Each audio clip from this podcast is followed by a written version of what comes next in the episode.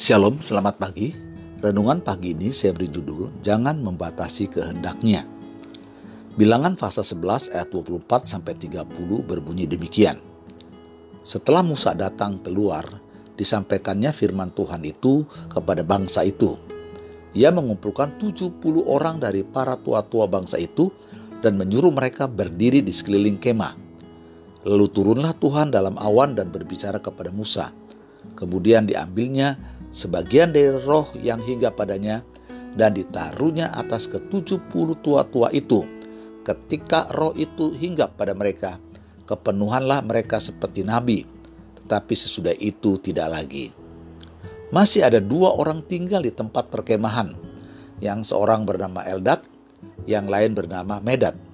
Ketika roh itu hinggap pada mereka, mereka itu termasuk orang-orang yang dicatat, tetapi tidak turut pergi ke kemah. Maka kepenuhanlah mereka seperti nabi di tempat perkemahan. Lalu beralihlah seorang muda memberitahukan kepada Musa, Eldad dan Medad kepenuhan seperti nabi di tempat perkemahan. Maka menjawablah Yosua bin Nun yang sejak mudanya menjadi abdi Musa, Tuanku Musa, cegahlah mereka. Tetapi Musa berkata kepadanya, Apakah engkau begitu giat mendukung diriku? Ah, kalau seluruh umat Tuhan menjadi nabi, oleh karena Tuhan memberi rohnya hinggap kepada mereka.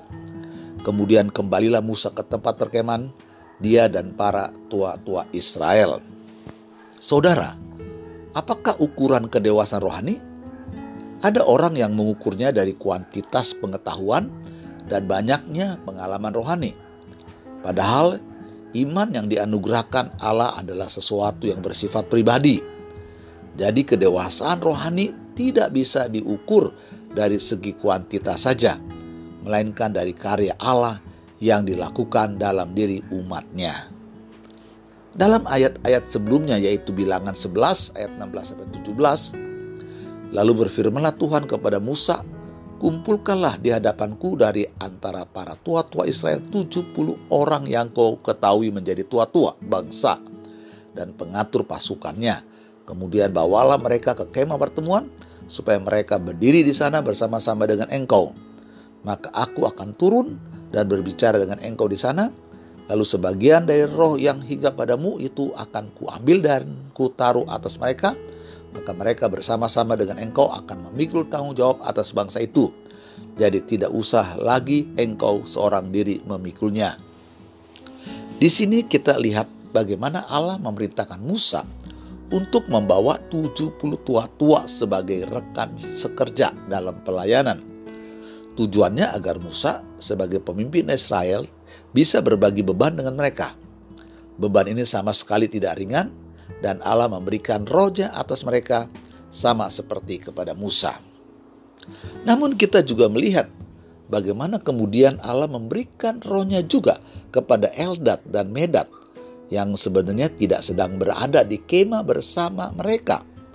Bahkan Yosua bin Nun berusaha mengingatkan Musa untuk mencegah Eldad dan Medad menerima kepenuhan roh Allah.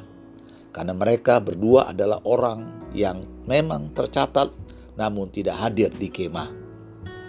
Tetapi Musa menjawab bahwa Tuhan Allah adalah pemimpin Israel yang sejati, di mana Allah adalah Tuhan yang berdaulat dan kuasanya tidak dibatasi oleh standar manusia.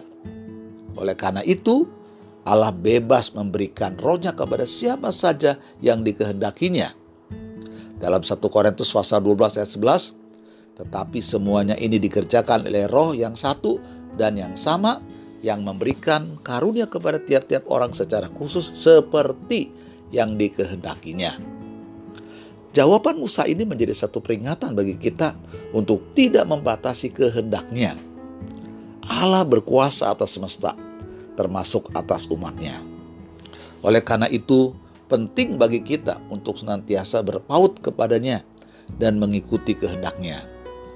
Salah satu cara terhubung dengan Allah adalah melalui membaca firman-Nya di dalam Alkitab.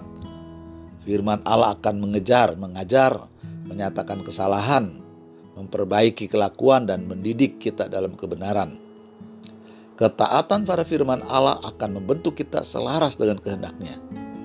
Hanya dengan cara demikian, tiap-tiap orang kepunyaan Allah akan dapat diperlengkapi untuk mengerjakan setiap perbuatan baik. Saudaraku, kita tidak bisa membatasi Allah melakukan kehendaknya. Berhak pun tidak. Sebaliknya, mengikuti kehendaknya adalah kewajiban kita. Amin. Sampai jumpa. Tuhan memberkati.